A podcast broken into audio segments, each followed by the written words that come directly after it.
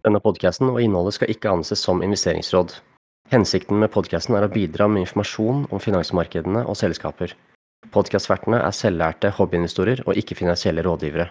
Informasjonen som gis i podkasten utgjør kun våre personlige meninger. Hvis du legger vekt på noe du har hørt her, gjør du det på egen risiko. Verdipapirer som diskuteres i podkasten skal ikke forstås som en anbefaling til å kjøpe, holde eller selge nevnte verdipapir.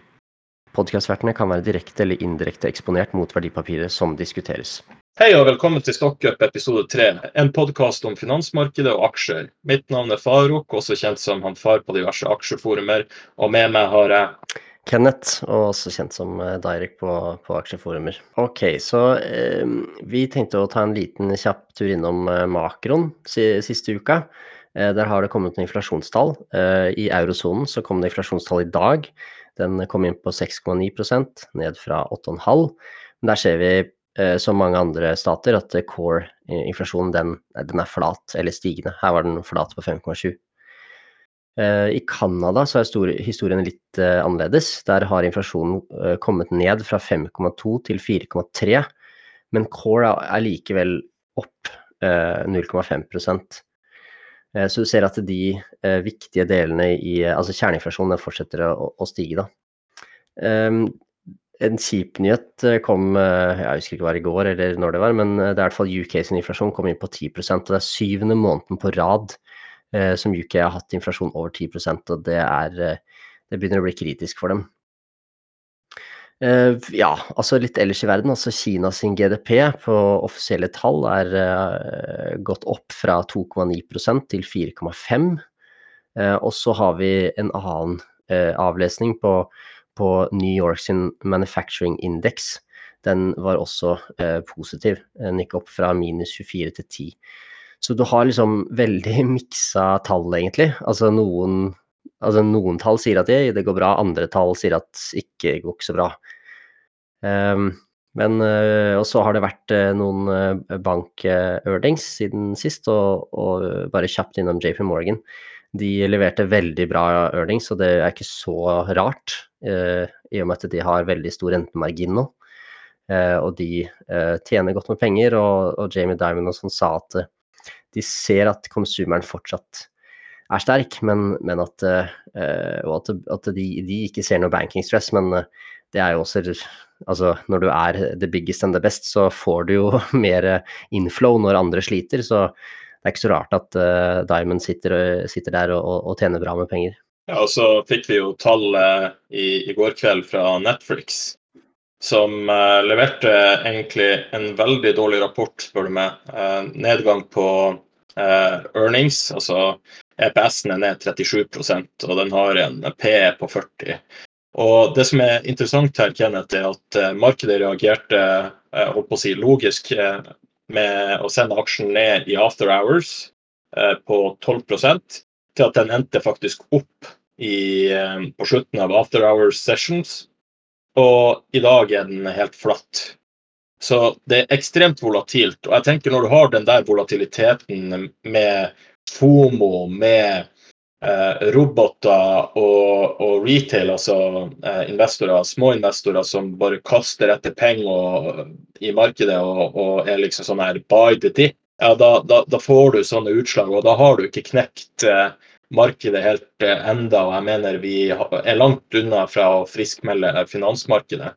Det som er interessant, det kom jo noen nyheter i natt eh, fra Federal Reserve eh, Officials. Eh, Bostic, som er Fed sin sjef i Atlanta, han så for seg flere renteøkninger. og han sjøl hadde en prognose på at Federal Funds Rate skulle øke fra 5% til 5,25% Og fra St. Louis så har vi Fed Official Bullard, som økte sin rentebane fra 5,5% til 5,75% Og så får seg tre, eh, ytterligere tre renteøkninger fra, fra, i tillegg til den eh, vi får i mai. Da, som er ikke positivt for uh, aksjemarkedet, samtidig som det forklarer bevegelsen i dollaren, og at den norske krona fortsetter å, å svekke seg. Mm. Og Vi ser også at uh, i, i bondmarkedet så ser vi at uh, det er en viss Altså på, på tre og seks måneders bonsa så ser man at man begynner å tro litt mer på Fed. man har jo Båndmarkedet har prisa inn rentekutt i slutten av året, to-tre stykker. Men den sannsynligheten for det nå avtar litt. Rann.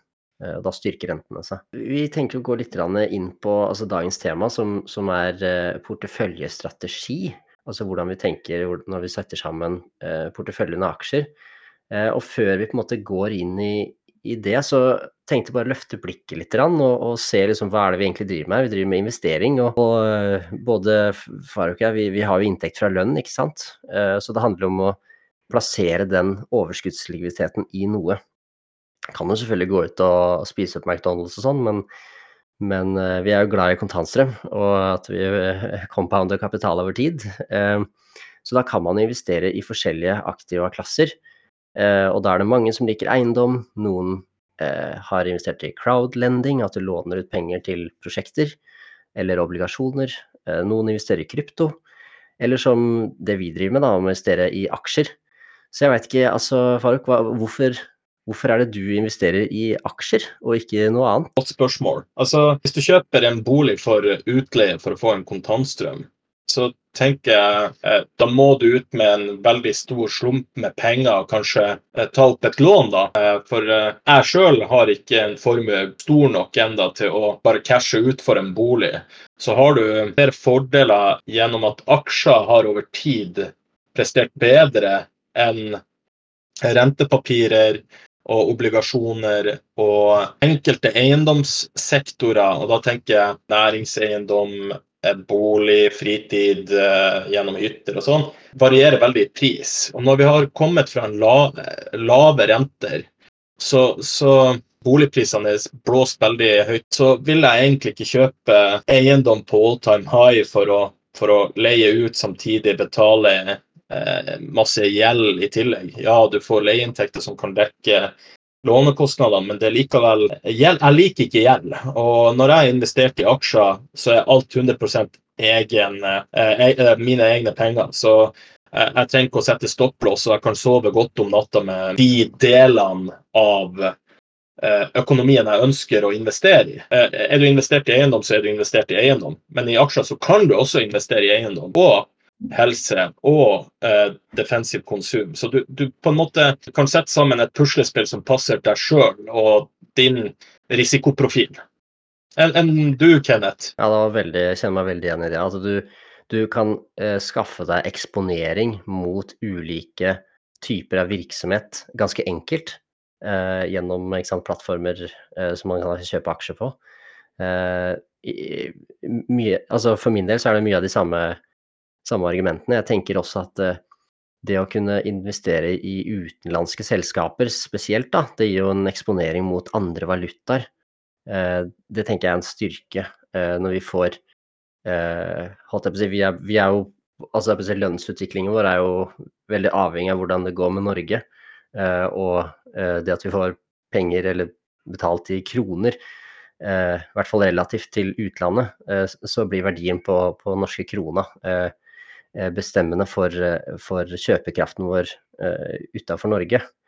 Og jeg tenker valuta har Det har vært en, en smart greie å være investert i utlandet. Uh, rett og slett fordi at den norske krona har vært så svak, og det har vært innom før og skal sikkert diskutere mer seinere, men, men, det er i hvert fall en, en greie. Også aksjer gir en, en, veldig god tilgang til uh, masse forskjellige spennende brands. ikke sant, Som nevnt tidligere Coca-Cola, og seinere episoden skal snakke om en et selskap uh, som kommer tilbake til som er veldig interessant brand. Jeg tenker også at uh, sant, det å, å, eh, investere i aksjer uh, Det er ganske lett å få tak i, det er god likviditet. og det er jo det er lett omsettelig. Det er veldig vanskelig med eiendom. Det er veldig sånn store transaksjonskostnader og tar lang tid og sånn å kjøpe og selge. Men som aksjer så kan det skje på sekundene. Det er eh, noen ulemper med, med, aksjer kontra andre aktive klasser. Eh, det har en del oppstartskostnader. Man må eh, lære seg mye greier i starten. Men etter hvert så blir det jo mindre og mindre jobb jo flinkere man blir. I Norge så er dessverre politikerne funnet ut at aksjer skal skattlegges hardere enn andre aktive klasser. Eh, så det får vi bare håpe at det over tid normaliserer seg når vi får en annen regjering. Eh, eh, og så er det selvfølgelig det som alle er redd for, og det er jo kapitaltap. Altså den ultimate risikoen at rett og slett de pengene du investerte, de blir, går tapt fordi selskapet går konkurs. Men med riktig holdt jeg på å si, fokus og, og Eh, og litt forsiktighet og disiplin, så kan man unngå eh, å få eh, kapitaltap. Absolutt. Også, jeg, jeg vil skyte inn en, er, er en interesse for luksusklokker. og det vet du jo, Kenneth. Jeg kjøpte meg Litt sånn bra bragpost det her, da. Men jeg, kjøpte meg jo Rolex. Og jeg har jo Tag Heuer og Breitling og mange andre klokkemerker. Og jeg husker i fjor så for jeg til uh, urmakeren, for jeg har sånn årlig service på, på, noen av mine mekaniske klokker. Og han sa uh, Faruk, er du, er du, villig til å selge denne uh, ene klokka? Og jeg sa nei, jeg er ikke villig til det. Hvordan det? Vet du hva verdien på den der klokka er? så sa jeg ja liksom, Sa liksom den summen jeg, jeg jeg betalte for da, for, for noen år siden, den har tredobla seg i prisene. Brukt. Og da tenkte jeg herregud, liksom. Og da ser man paralleller fra finanskrisen og dotcom-bobla. For da eh, begynte sånne luksuriøse klokkebrands å, å, bli utsolgt for. Altså fordi at eh, de bruker gull, de bruker eh, eh, faktiske metaller sånn. Så det er også med på å, å hedge eh, formuen din på, på, en måte. Nå sier ikke at eh, jeg, jeg, driver og kjøper klokker for å selge igjen, men det er også en måte å ivareta eh, din kjøpekraft på. Fordi at eh, altså, råvareprisene følger jo inflasjonen. Og klokkene er jo et prakteksempel på, på sånne luksuriøse edle metaller og sånn som, eh, som, du får en eksponering imot i, i hard fysisk eh, assets. Da. Ikke sant. Ja, der, eh, altså jeg tror jeg fortsatt har klokka som jeg fikk til konfirmasjon, jeg. Så jeg, og det var ikke noe Tag Hoier eller noe sånt. Nei, men den er god. Vi får fortsette videre i episoden der vi skal snakke litt mer om porteføljestrategien vår. Ja, og vi kommer til den delen jeg gleder meg mest til. og Det er jo nemlig eh, snakk om hvordan vi har satt sammen eh, porteføljene våre. Og Jeg tenkte jeg skulle starte med litt eh, mine tanker rundt min portefølje. Og jeg ser på porteføljen min i dag som et fort. Jeg har brukt mange år på å bygge stein for stein og finne selskap som passer den kollasjen av aksjer eh, som på en måte skal fungere som resesjonssikkert. Mitt mål eh, med porteføljen er at eh, kontantstrømmen er eh, konstant. Uansett om det er pandemi, krig, eh, høy lavkonjunktur i økonomien, så skal min levere både vekst og fortjeneste, altså i form av utbytte av at selskapene gjør det bra. Så når jeg satte sammen porteføljen min, var det viktig for meg å finne ut av hvilke aksjer vil jeg vekte høyere enn andre. Og det er ikke nødvendigvis at eh, de som har en lavere vekt i min portefølje, er dårligere enn de som har en høyere vekt, eh, hvis vi kan kalle det det. Men eh, det er litt mer litt som Peter Lynch pleier å si, altså know what you own. Jeg, jobber som tannlege og, og, kjenner helsesektoren godt, og da er det naturlig at porteføljen min bærer preg av selskaper som Johnson Johnson og, og Bristol Myers Squibb. Og så har jeg eid uh, Unnskyld. Jeg har eid Nestlé i, i en årrekke, og, og eh, det, det, er et selskap som er representert over hele verden. og uh, De har både pricing power og ja, de, de, har egentlig alt jeg leter etter i en uh, aksje. Det samme med Coca-Cola. Forbes har jo i flere år sagt at Coca-Cola er en av verdens sterkeste merkevarer, og det vil det fortsette å være. Um, min portefølje har en yield on cost, altså min totalportefølje uh, gir en direkteavkastning i dag på 2,8 uh, Jeg har 15 Eh, av eh, investeringene mine plassert i Canada, 22% i Sveits, 61% i USA og 2% i eh, Storbritannia. Der har jeg for så vidt bare et, et, selskap som jeg liker veldig godt, og det er Cranswick. Det er en av få utbytteraristokrater i Europa i lag med Nestlé. Jeg har valutakontoer i sveitsisk frank, kanadiske dollar, amerikanske dollar og euro. Der gir fordeler gjennom lavere kurtasje i de respektive plattformene man bruker til å handle aksjer på, samtidig som at eh, det gir deg en større frihet på når du skal veksle inn eh, kroner om til de valutaene du, du, ønsker å veksle til. Samtidig som at megleren du bruker, er pliktig til å betale deg ut i, i den valutaen du har valutakontoer på. Hvis jeg f.eks. er en eh, amerikansk aksje, så kommer utbyttene og forblir i dollar, så velger jeg sjøl når jeg skal veksle dem inn, eller om jeg lar dem bare stå, eller eh, sånt. Så det gir veldig mye fordel.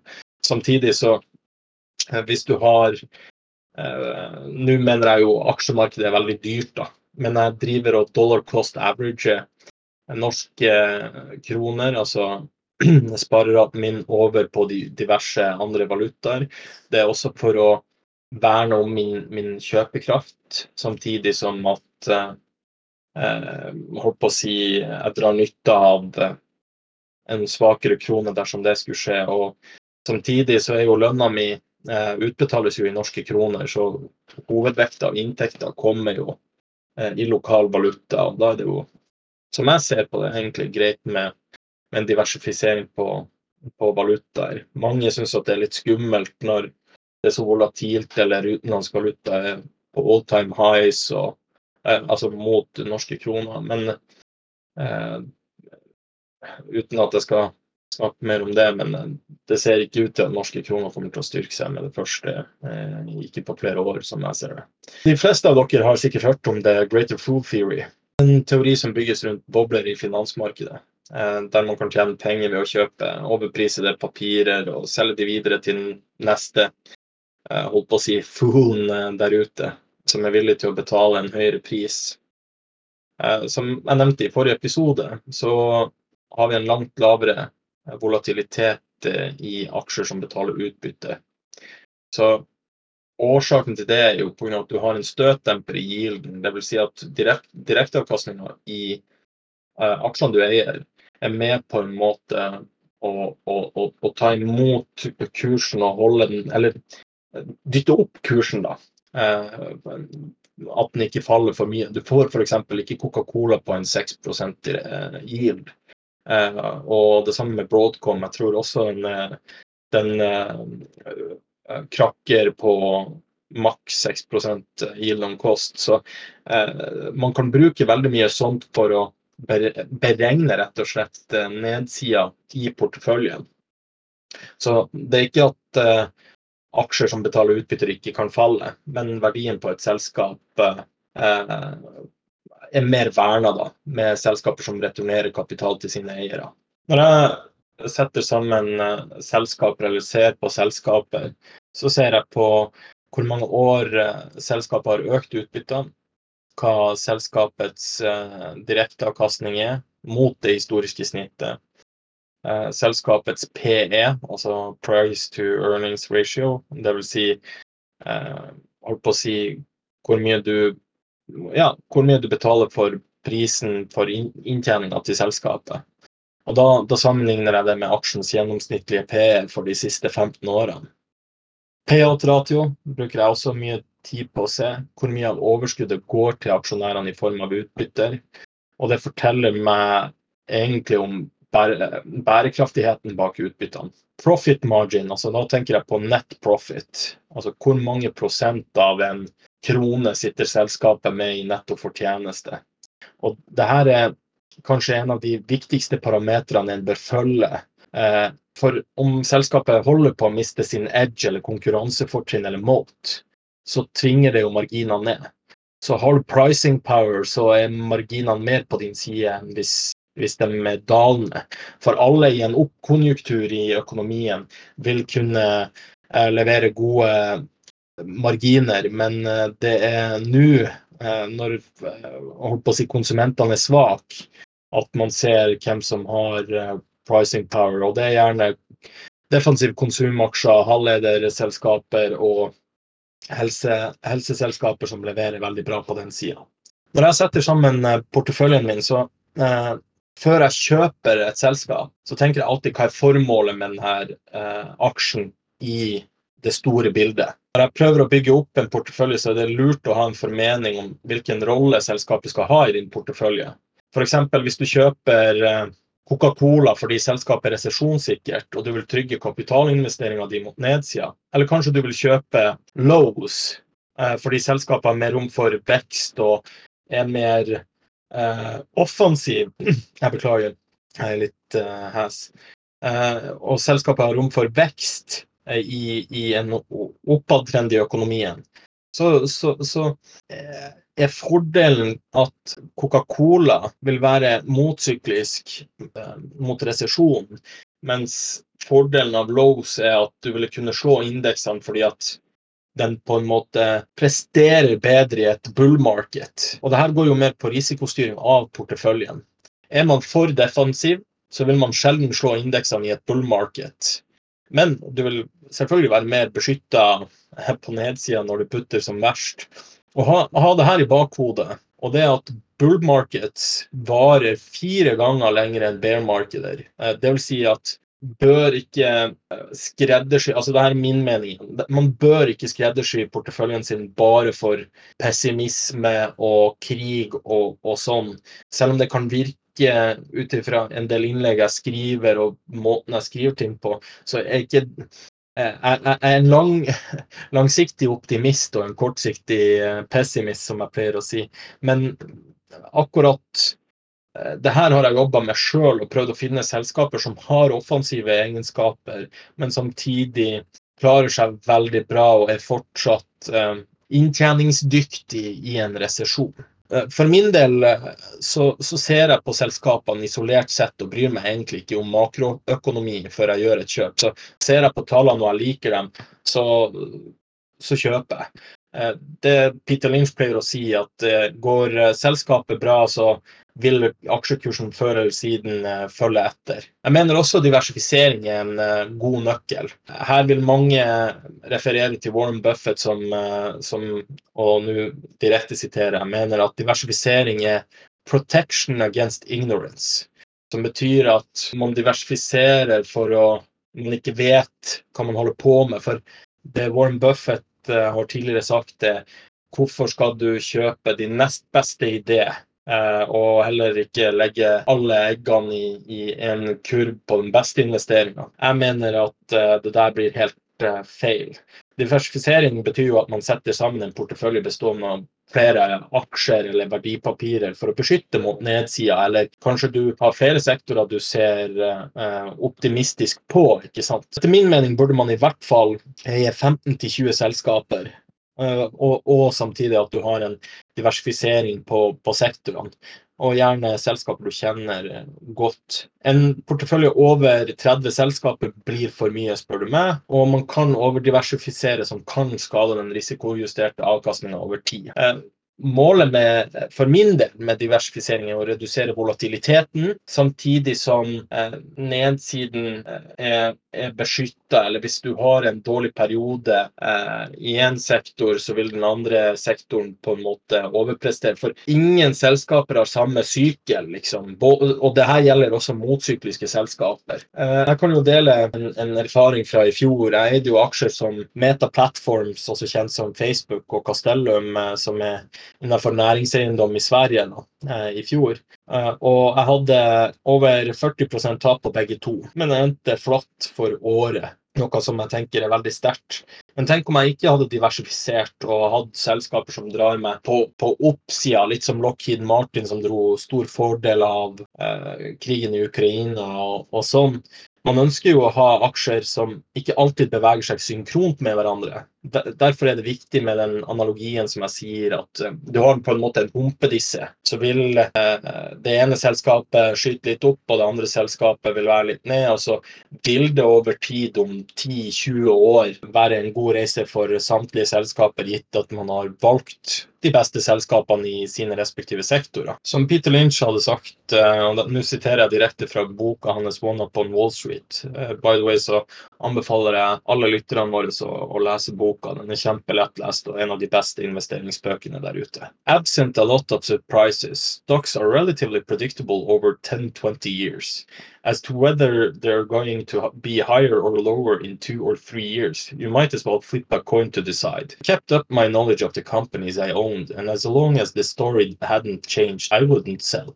Jeg, jeg, mener det der er så spot on, og det, det er virkelig det jeg også står for. Aksjemarkedet på langt sikt vil gå oppover, og de har alltid eh, prestert bedre enn eh, en rentepapirer og sånn. Og det, akkurat den storyen der tenker jeg eh, vil ikke forandre seg. Og jeg tror mine selskaper Eller jeg er ganske sikker på at mine selskaper om 10-20 år er mye mer verdt enn det de er i dag. Jeg ønsker også å fremme en fordel vi småinvestorer har, som mange sikkert har i bakhodet, men det er lurt å nevne det likevel. Og det at vi har en mye større frihet eh, kontra fondsforvaltere, store institusjonelle investorer og ETF-er.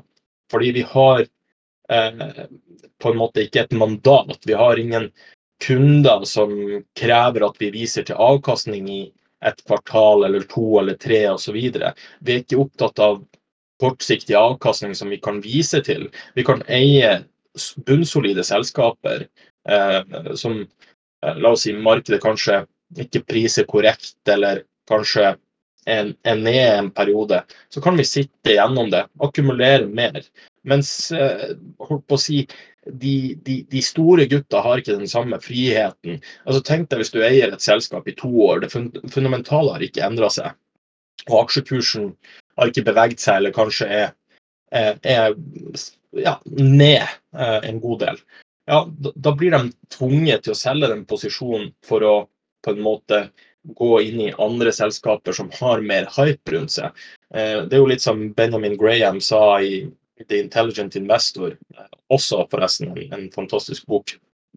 Uh, in the short run, the stock market is a voting machine. In the long run, it's a weighing machine. Altså, på, på lang sikt så går earningsene opp, jo, da følger selskapets aksjekurs etter hvert etter. Så Eh, jeg, jeg, jeg står veldig for, for, det at vi småinvestorer har en mye større frihet. da.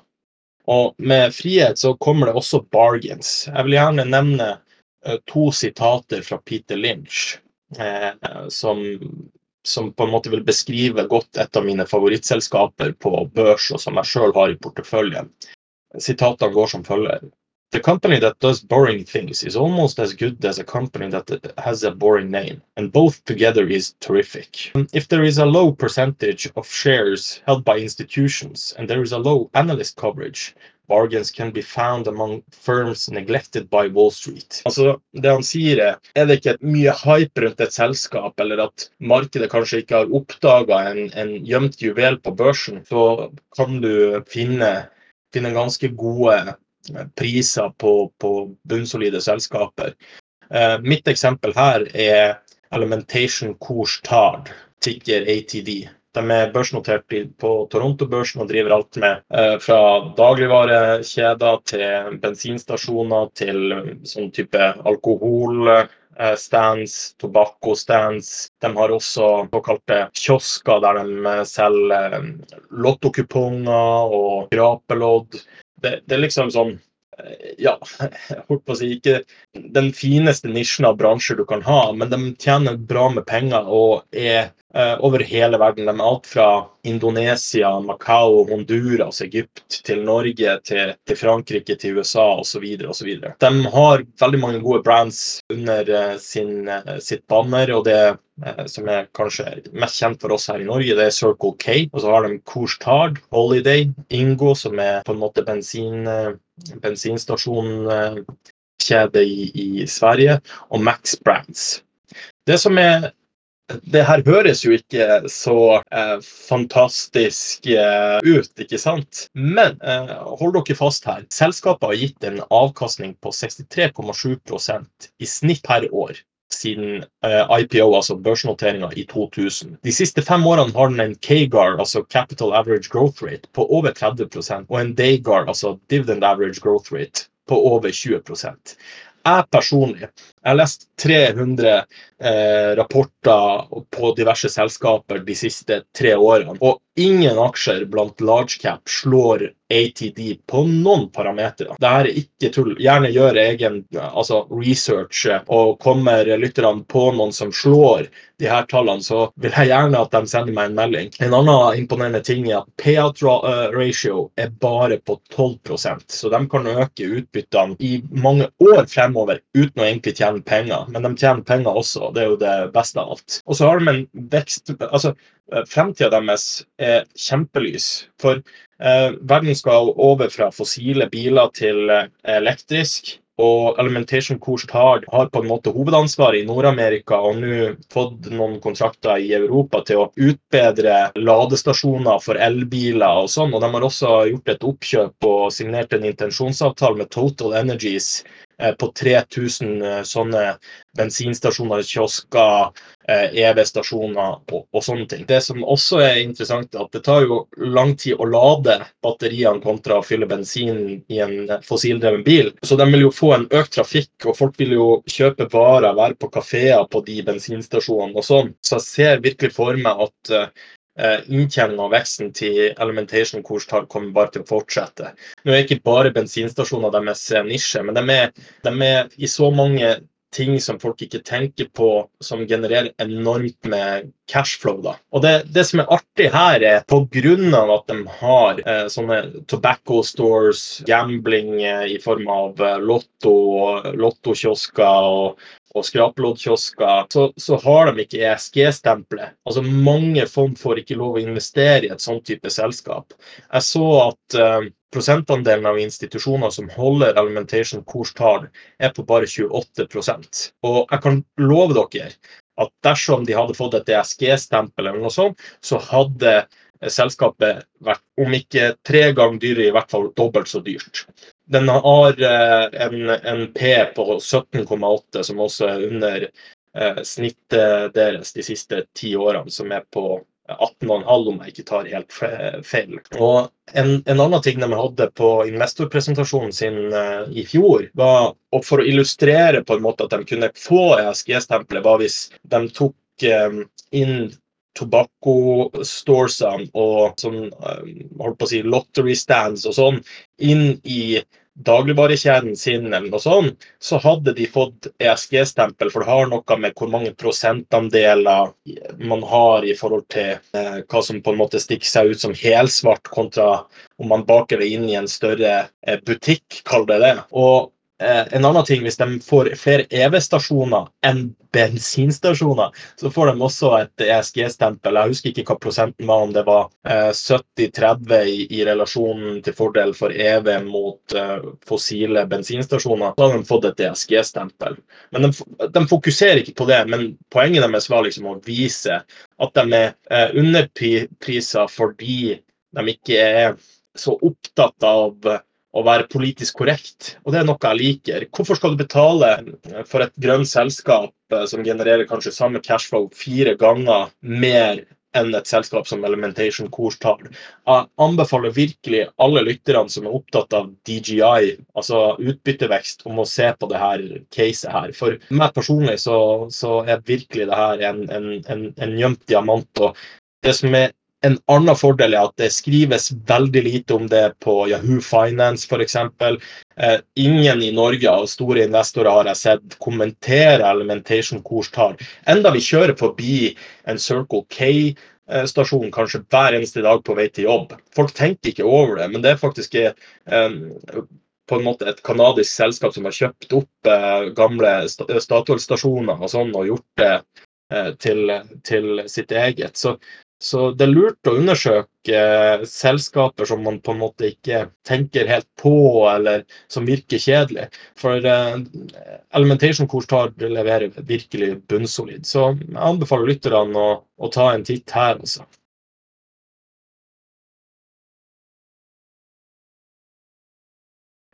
Ok, da tar vi en liten titt på på porteføljestrategien, min, som er, litt annerledes enn en Farok sin, selv om vi investerer i samme type, aksjer.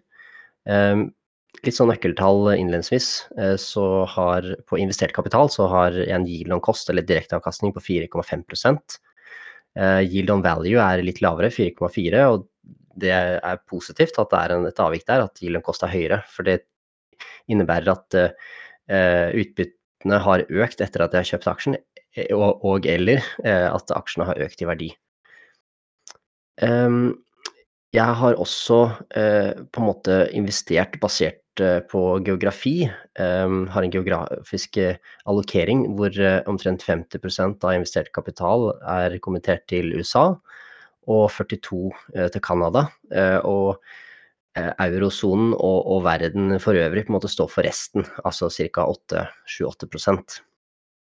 Den geografiske allokeringen vil antageligvis spre seg litt mer ut over tid, basert på at det får tak i flere selskaper utenfor disse jurisdiksjonene. Jeg har en en taktisk allokering kan man si, som minner om på en måte sektordiversifisering, men jeg har ikke eksponering mot alle sektorene. Jeg har jeg har fokus på infrastruktur og eiendom. Så har jeg en en del eksponering mot kreditt og begynner å bygge energieksponering. Og så har jeg en en hedge-eksponering mot edle metaller, og resten er litt sånn konsum og syklisk, men det er undereksponert foreløpig. Men det kommer til å ta seg opp fremover. Min sånn strategi sånn overordnet, den er veldig selskapsfokusert.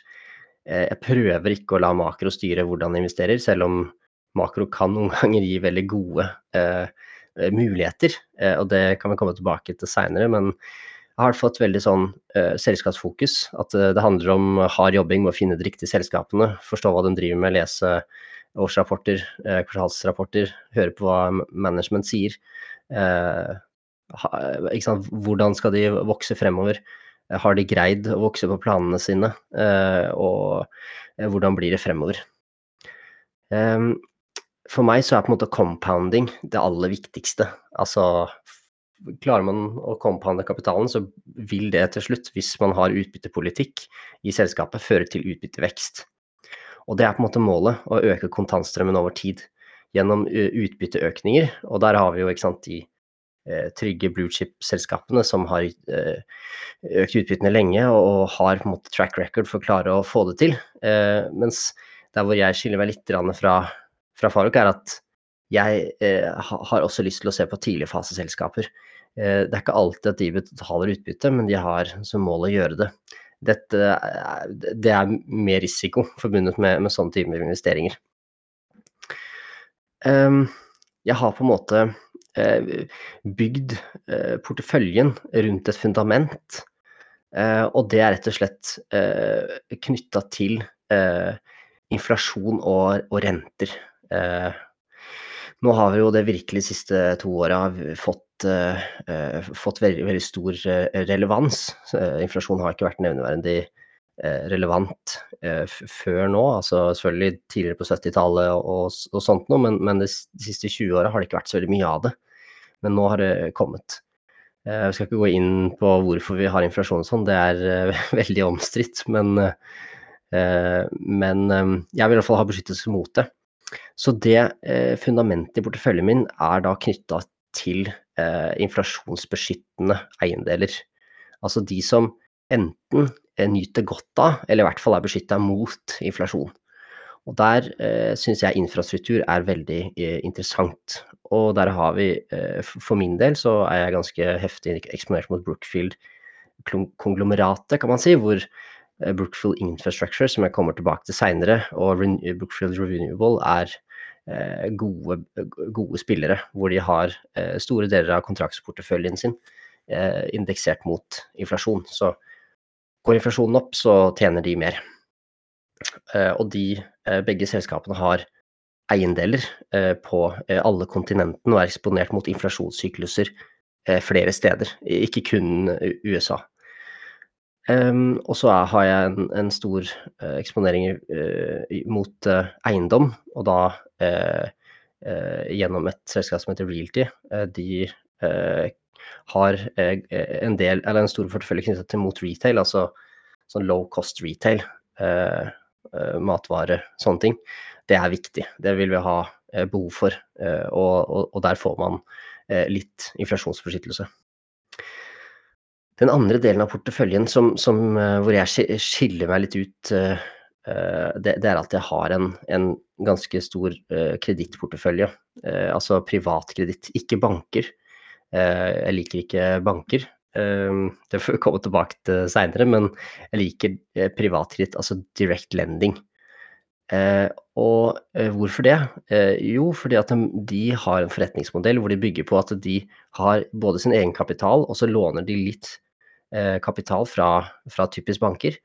Og så eh, låner de den samla eh, kapitalbasen ut til mellomstore bedrifter. Og der har man noen spillere i USA som har gjort det veldig bra i de siste 15 åra. Og det er såkalte Business Development Companies, hvor jeg har da tre selskaper som jeg liker veldig godt. Som er Ares Capital Corporation, Main Street Capital og Oak Tree. Eh, Specialty Lending Corporation. Og hvorfor, eh, hvorfor, er det interessant? Jo, ikke sant? de har jo mye av porteføljen sin knytta til flytende eh, rentekontrakter. Så når rentene går opp, så går inntjeningen opp. Det er jo supert, så de tjener veldig mye penger akkurat nå. Og hvis det blir higher for longer, som, som Fed-sjefen sier, at rentene skal være høyere lengre, ja, så vil disse selskapene nyte godt av det. Og de vil få ganske bra marginekspansjon, fordi de har, altså fundingen som de har, den er ofte, eh, og i hvert fall disse tilfellene her, eh, i stor grad på, på, på fastrente. Sånn at det, når renta går opp, så, så, blir det marginekspansjon for disse selskapene. Eh, men ikke sant, så de gilder jo for, for en høy direkteavkastning fra disse selskapene, for de er nødt til å betale ut 90% av, av inntjeningen sin for å få en skattebeskyttelse i USA.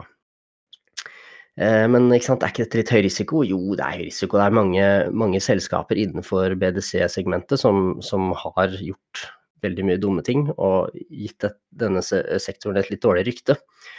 Um, men en av måte, de store, store navnene innenfor kreditt er, er, Howard Marks. Han er et uh, forbilde. Og, og han uh, driver da Oaktree Capital, uh, hvor han da, holdt jeg på å si, dette Oaktree Special Lending er et av fondene der. og han har gjennom businessen sin, sammen med Bruce Cars, klart å, å, skape 19% årlig avkastning i ja, årtier. Så de folka der veit hva de driver med.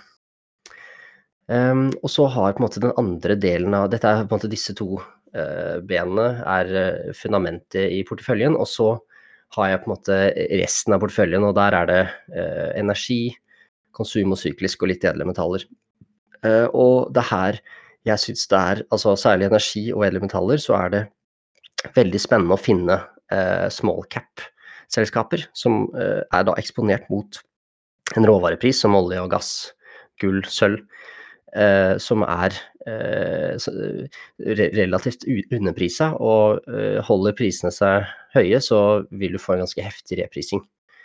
Eh, mange av de betaler utbytte, og, og, de fleste av dem har eh, ambisjon om å betale utbytte. Så det syns jeg er et interessant krydder til porteføljen. Um, har også litt sånn uh, konsum og sykliske deler. Uh, konsumbiten er uh, undervekt min, i min portefølje. Eh, den, nok, eh, den, vekten skal nok opp eh, med tiden. Og der har jeg mm, tre-fire ganske spennende selskaper på watchlisten. Blant annet ATD, som, som han far skal snakke om, og Hershey. Så er det selvfølgelig juvelen Costco, da, bare å komme litt ned i pris. Um, på det sykliske så er det, det, det Sykliske aksjer er, eh, sant, er veldig frustrerende å, å, eie før du går ned i en nedgangskonjunktur, og så er det supert å eie på opp, oppturen. Fordi de tjener mye mer enn markedet på toppen, og mye mindre enn markedet på bunnen. Eh, og de siste 15 åra så har vi jo egentlig ikke hatt noen ordentlig resesjon ennå, så det har jo vært litt sånn eh, Ja, det har jo vært eh, De har tjent bra med penger. Eh, mens nå ser vi at flere og flere sykliske selskaper får, eh, får gjennomgå.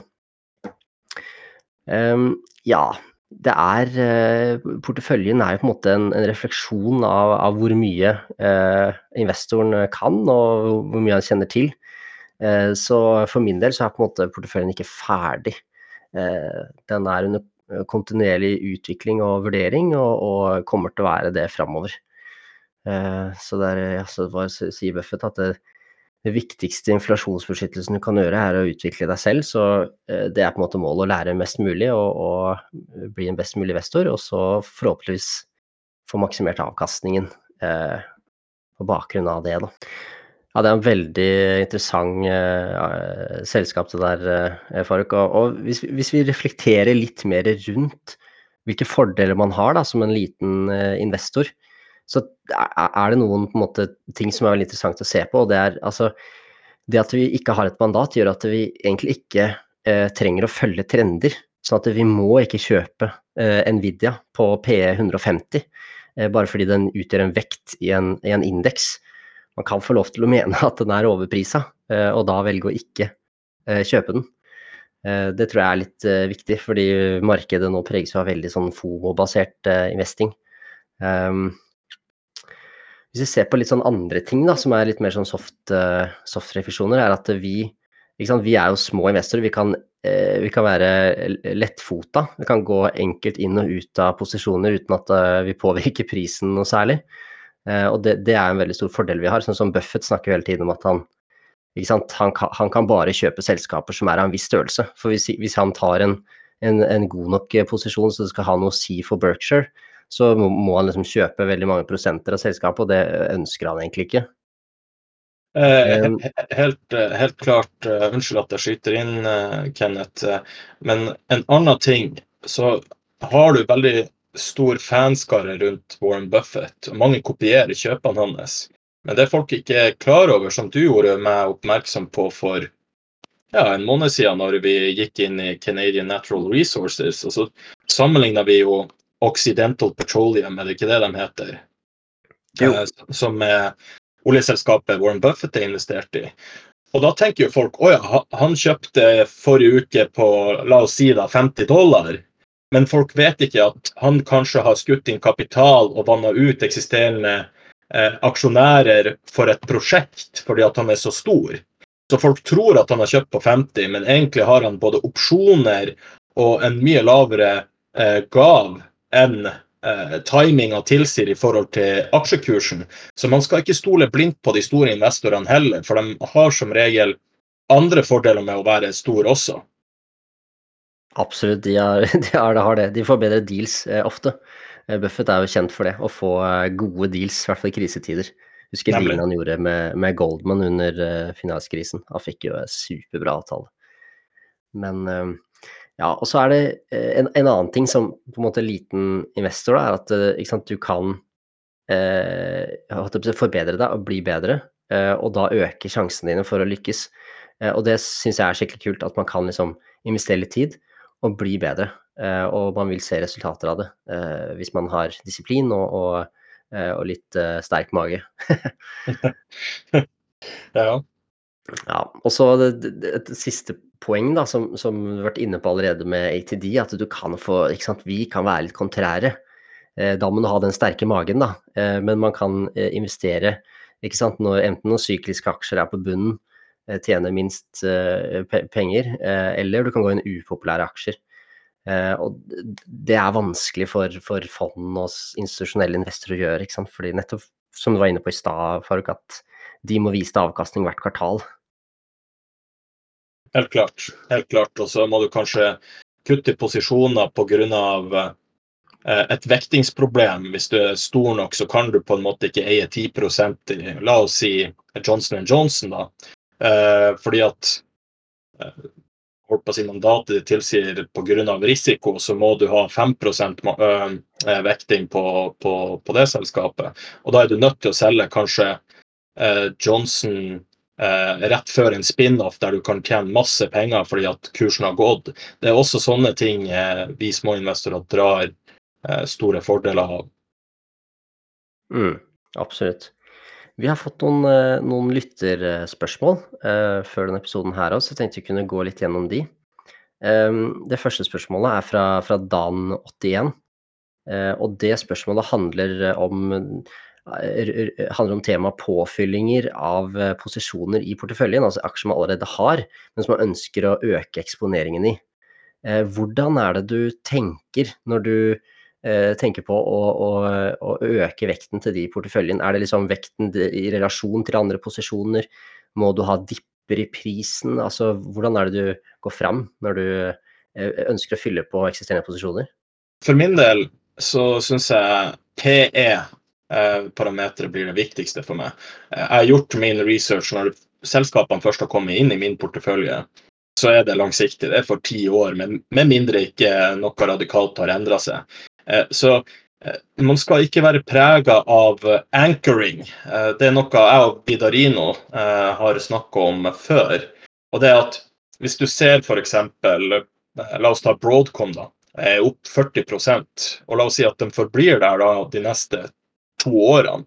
Men eh, earningsen kan ha blitt bedre på de to årene, men avkastninga deretter har ikke økt. Men så tenker du nei, men skal jeg ødelegge gaven min, altså se de grønne, flotte 40% og ikke kjøpe mer eh, pga. Det, det, det, da fungerer det som et negativt anker. Men hvis du ser på P da og ser oi, det er faktisk billigere enn når jeg først kjøpte den på 40% lavere gav. Så jeg tenker man må se på P og, og det fundamentale. Ser du at uh, selskapet tjener mer og prisen ikke har fulgt uh, selskapets markedsverdi, ja, da bør du kjøpe, kjøpe, mer. Men hvis du har 20 selskaper da, og, og tre er automatisk i, i negativt terreng, uh, så, så, betyr det ikke at jeg fyller på på de. Jeg, jeg sjøl kan jo ta et eksempel. Jeg, jeg kjøpte McDonald's to ganger på all time high.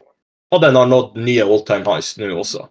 Eh, nå er ikke det en billig aksje, eller noe sånt, men po poenget står fortsatt at det er ikke alltid uh, Hvis et selskap går ned i, i, pris, at det er billigere. Det må følge faktisk uh, inntjeninga. Det, det, er sånn jeg tenker, i hvert fall. Enn du, uh, Kenneth? Mm, ja, veldig likt. Uh, kjøre liksom en, en, en, ny vurdering på en måte av selskapet, sjekke fundamentale ting. Er det noen nyheter? Altså i hvert fall hvis den dipper, da. Uh, er det noen nyheter? Uh, er tesen intakt? hvis den er det, så er det jo Da kan man jo bruke nedgangen til å fylle på en bedre, bedre pris, men også der hvor aksjekursen er flat eller, eller den har gått litt opp, altså at man må snitte opp, så er det rett og slett alt Altså den altså, eh, tallprisen som står i porteføljen din, den, Hvis alt går riktig, så må den gå opp eh, eh Altså kursen på, på, selskapet må gå opp over tid. Det er bare sånn de tjener eh, Altså det vil være et resultat av at de tjener mer penger. Eh, så man kan ikke Altså da, da, går det glipp av fremtidig verdiskapning eh, hvis du ikke snitter opp da på, på den, den posisjonen. Eh, så jeg tenker man skal ikke være, skal ikke være redd for det, men, men, man må passe på at man ikke eh, betaler overpris. Eh, og der er det der med å sjekke P1 mot historisk PE er et veldig fint verktøy for å se om du betaler det markedet har prisa den her til, eller om du betaler over eller under. Og da prøver vi å, å gå så, sånn at vi betaler under. Selv om det kan være i dollartermer dyrere. Altså, vi har jo diskutert uh, akkurat det der med dyre selskaper, uh, med Hengen, Vidarino og, og bl.a. Tricky, som er stor fan av Novo Nordisk. Nå er jeg nok en stor fan av McDonald's og Novo Nordisk også. Uh, og det som er interessant å se, er at selv om alt det vi sier står, altså jo høyere P, jo dyrere er selskapet, men du har selskaper som fortjener en høy P. Og McDonald's, eh, hver gang den har vært over P30, så har den faktisk gitt en annualisert avkastning etter det på tosifra prosent. Så eh, det er ikke gitt at en dyr aksje eh, vil levere dårlig. Det er det som er også et viktig poeng å understreke her, tenker jeg. Vi har et til spørsmål her fra Ramsalt. Eh, fortell gjerne litt om hvorfor det er så stort fokus på amerikanske og utenlandske aksjer kontra norske. Om det bare handler om større utvalg av selskaper, eller om det er fordeler og ulemper med utenlandske selskaper kontra norske, kupongskatten etc. Alt annet som leder fokuset internasjonalt. Bare et innspill. Yes, det er et veldig godt uh, spørsmål fra, fra, Ramsalt. Og uh, for å gå veldig, veldig dypt inn i det, så er det i hvert fall for, min del så er det en sånn fundamental forskjell mellom hvordan selskapene ser på utbytter. Altså I Norge så er det veldig sånn eh, politikk for å Ja, du betaler en prosentandel av det du tjente i fjor, og sånn blei det. Og da, Det har ført til at utbytteutbetalingene utbetalingene fra norske selskaper de går veldig opp og ned. De varierer veldig. Eh, noen selskaper har klart å, eh, å jevnt øke utbyttene sine. Eh, det finnes noen i Norge. Eh, mens i USA så er det på en måte hovedregelen. At Eh, der har managementet som mål at det, eh, selskapet hele tiden skal kunne greie å betale et høyere utbytte enn det de eh, betalte i fjor. Og da jobber de målretta mot det og gjør det de kan for å få det til. Eh, utbyttet er på en måte mer hellig da, i, i USA og Canada enn, enn det tradisjonelt har vært i Europa. Vi ser nå tendenser til at utbytte og utbyttevekst eh, bli mer eh, populært også i, i, Europa. Så dette kan jo endre seg eh, mer fundamentalt over tid. Men det er på en måte hovedbegrunnelsen for at jeg syns at amerikanske særlig, og canadiske aksjer er, er interessante eh, ut fra et sånt utbyttevekstperspektiv. For vi er jo avhengig av hele tiden å bygge mer kontantstrøm, eh, og da er det eh, superdigg å ha selskaper som hele tiden øker utbyttene sine og at man kan føle at man er rimelig sikker på det, eh, at de vil fortsette med det. Kan jeg skyte inn en, en ting som, som jeg, jeg, jeg, føler jeg blir misforstått litt? Eh, at jeg er veldig sånn pro-amerikansk eh, når jeg har hovedvekta av porteføljen min i USA. Men det er som regel globale selskaper, ikke kun amerikanske orienterte selskaper jeg fokus på. For la oss si hvis emerging markets gjør det veldig bra, og de globale selskapene har tilstedeværelse der, ja, da går earningsene til dem opp. Mens i Norge er det veldig eh, smalt, på en måte. Mm. Ja, det er veldig, veldig godt poeng. At det finnes mange flere globale selskaper i USA. og Det er eh, alfa og omega for å kunne eh, Og ha, ha, i hvert fall det, ha det som vekstambisjon om å være global. Uh, det gjør at du hele tiden kan finne nye markeder. Og det er jo recipe for å få et større selskaper. Eller for, for, å få et større selskap. Helt klart. Siste spørsmål fra CGG, eh, hvor han skriver at eh, tenker nesten at man har gjort noe riktig hvis man snitter opp. For da har du mest sannsynlig funnet et kvalitetsselskap og kommet inn billig. Eh, da er spørsmålet til deg, Hafar. Hvor rigid er tallet 22? Og da sikter jeg til at du har sagt at du skal ha 22 selskaper i porteføljen. Så si at du har dine 22, og så blir det et selskap du har sikla veldig lenge på, billig. Kaster du da ut et annet fra porteføljen, eller går du ut til 23? Det er et veldig godt spørsmål. Jeg har gått med meg sjøl og tenkt litt på, på, akkurat det der. For jeg finner til stadig når jeg screener selskaper, eh, noen, noen gjemte juveler der som jeg ikke visste av når jeg satt porteføljemålet mitt på 22 selskaper. Men ja, jeg må, akkurat der har jeg en regel at jeg, jeg har ikke tid å, å følge Eh, så mange selskaper. Så jeg tar de 22 jeg kjenner veldig godt, og holder meg til de.